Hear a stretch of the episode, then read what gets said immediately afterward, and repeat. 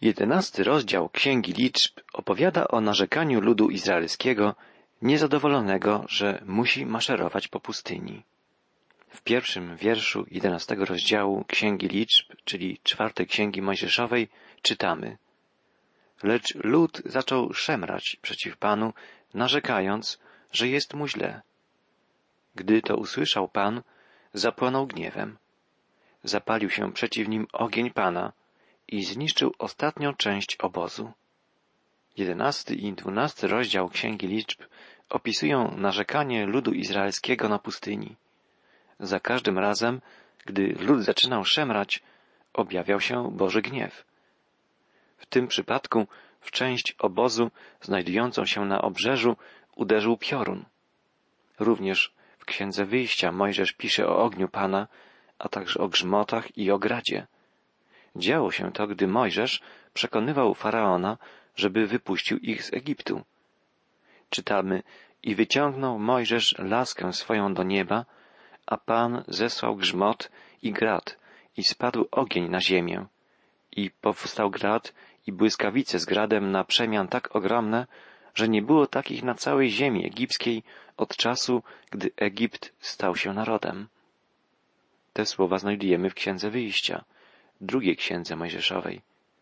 A teraz, z powodu nieposłuszeństwa narodu izraelskiego, Boży ogień uderza w obóz Izraela.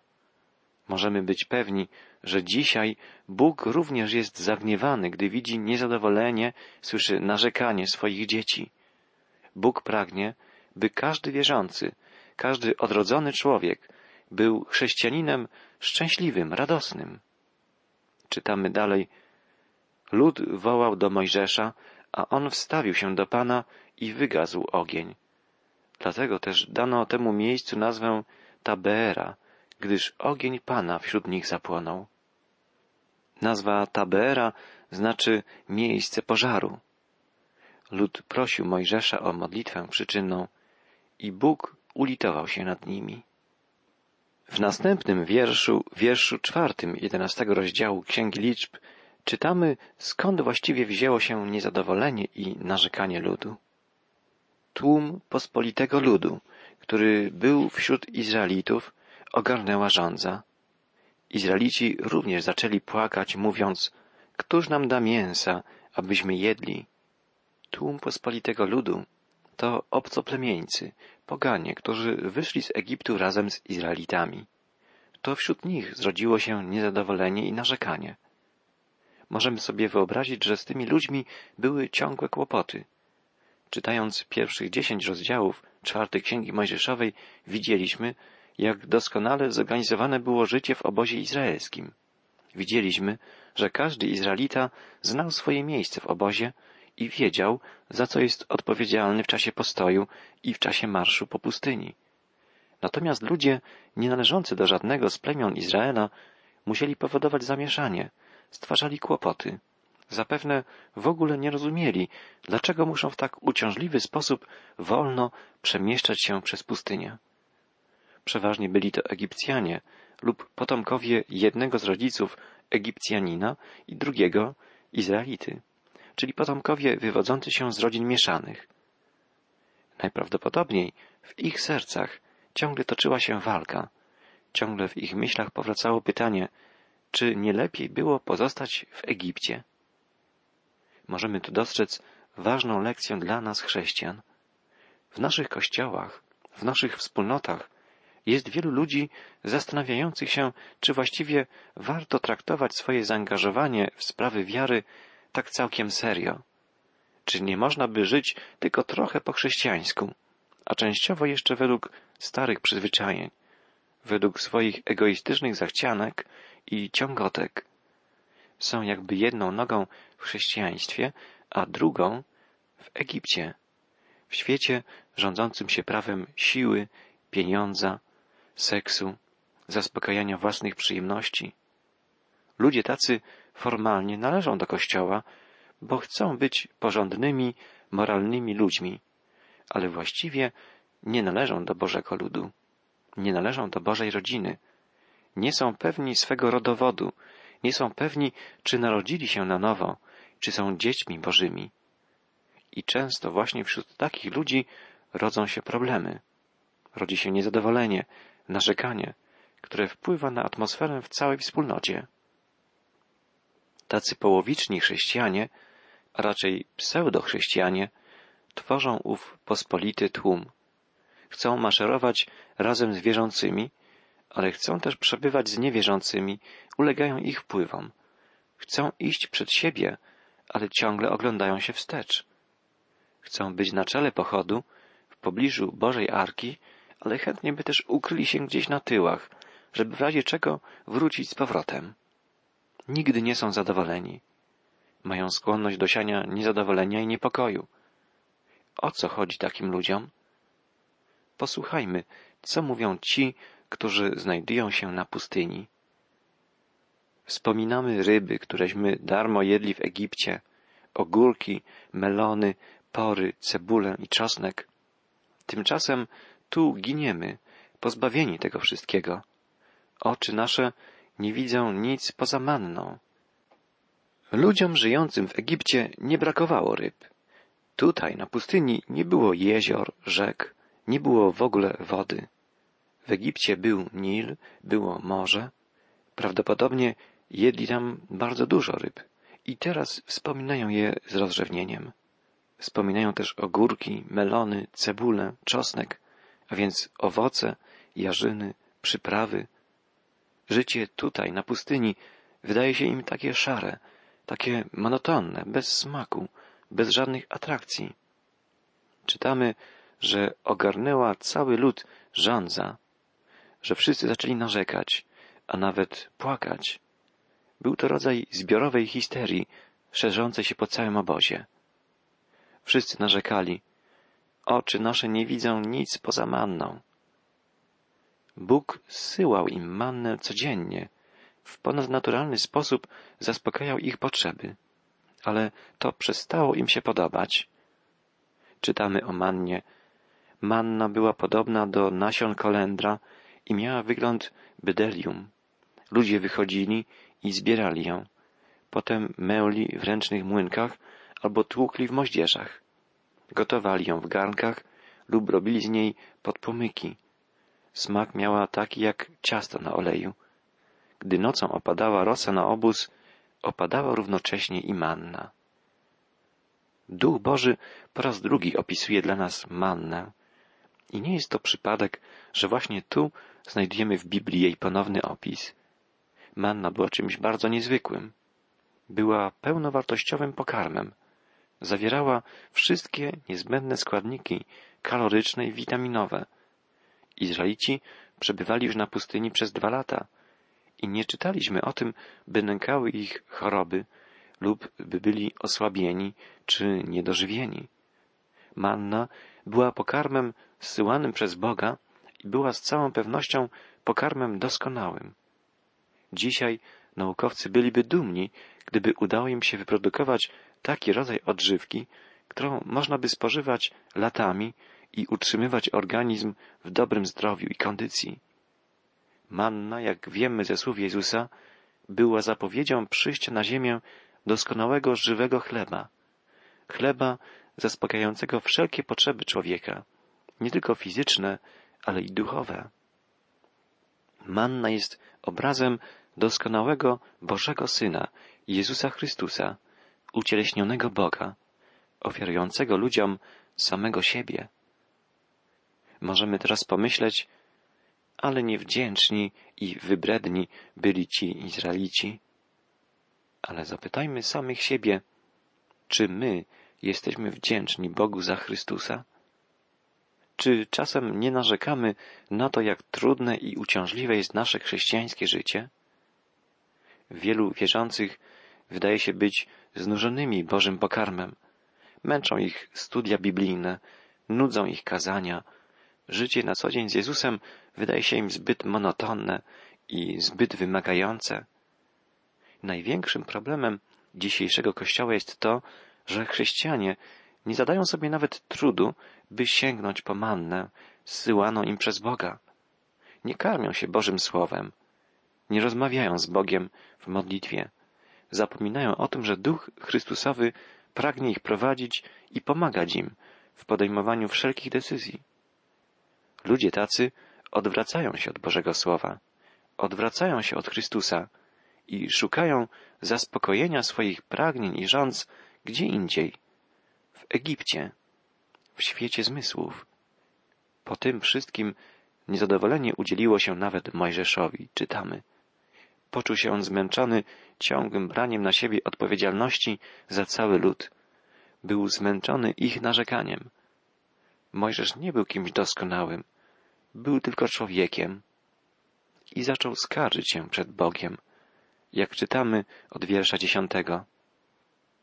Mojżesz usłyszał, że lud narzeka rodzinami, każda rodzina u wejścia do swego namiotu. Wtedy rozpalił się potężnie gniew Pana, a także wydało się to złe Mojżeszowi. Rzekł więc Mojżesz do Pana, czemu tak źle się obchodzisz ze sługą swoim? Czemu nie darzysz mnie życzliwością i złożyłeś na mnie cały ciężar tego ludu? Czy to ja począłem ten lud w łonie, albo ja go zrodziłem, żeś mi powiedział, noś go na łonie swoim, jak nosi piastunka dziecię i zanieść go do ziemi, którą poprzysiągłem dać ich przodkom.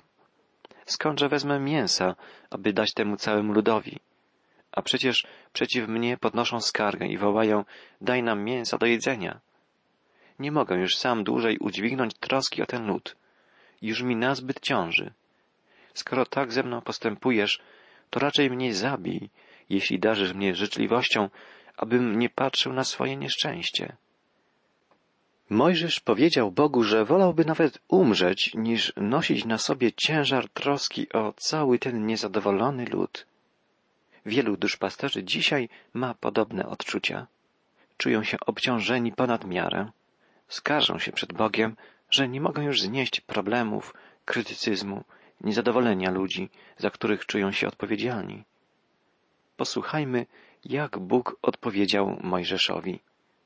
Wtedy rzekł Pan do Mojżesza, zwołaj mi siedemdziesięciu mężów spośród starszych Izraela, o których wiesz, że są starszymi ludu i nadzorcami, i przyprowadź ich do namiotu spotkania. Niech tam staną razem z Tobą. Wtedy ja stąpię i będę z Tobą mówił. Wezmę z ducha, który jest w Tobie i dam im, i będą razem z Tobą dźwigać ciężar ludu, a Ty go sam już więcej nie będziesz musiał dźwigać. Mojżesz popełnił błąd, skarżąc się przed Bogiem. Czuł się osamotniony w niesieniu odpowiedzialności za swój lud, a przecież nie na nim spoczywał ciężar tej odpowiedzialności. Sam Bóg prowadził swój lud przez pustynię, troszczył się o jego potrzeby, troszczył się też o samego Mojżesza. Bóg mówi, dobrze, Mojżeszu, jeśli czujesz się zbyt obciążony i zbyt osamotniony, dam ci pomocników. I Bóg polecił Mojżeszowi przyprowadzić przed namiot spotkania siedemdziesięciu starszych Izraela. Na marginesie owych siedemdziesięciu starszych stanowiło odtąd poprzez całą historię Izraela rodzaj rady podejmującej najważniejsze dla narodu decyzje. W czasach Jezusa radę tę nazywano Sanhedrynem. Pamiętajmy o tym, że to nie na nas, lecz na Bogu spoczywa ciężar odpowiedzialności za przewodzenie Kościołowi i każdej wspólnocie wierzących. Możemy być Jego pomocnikami i współpracownikami jedynie wtedy, gdy będziemy pytać przede wszystkim o Jego wolę i gdy będziemy skromnymi i pokornymi Jego sługami. O Mojżeszu przeczytamy w następnym rozdziale Księgi Liczb, że był człowiekiem bardzo skromnym, najskromniejszym ze wszystkich ludzi, jacy żyli na ziemi. Mojżesz poczuł się jednak znużony niezadowoleniem i narzekaniem ludu.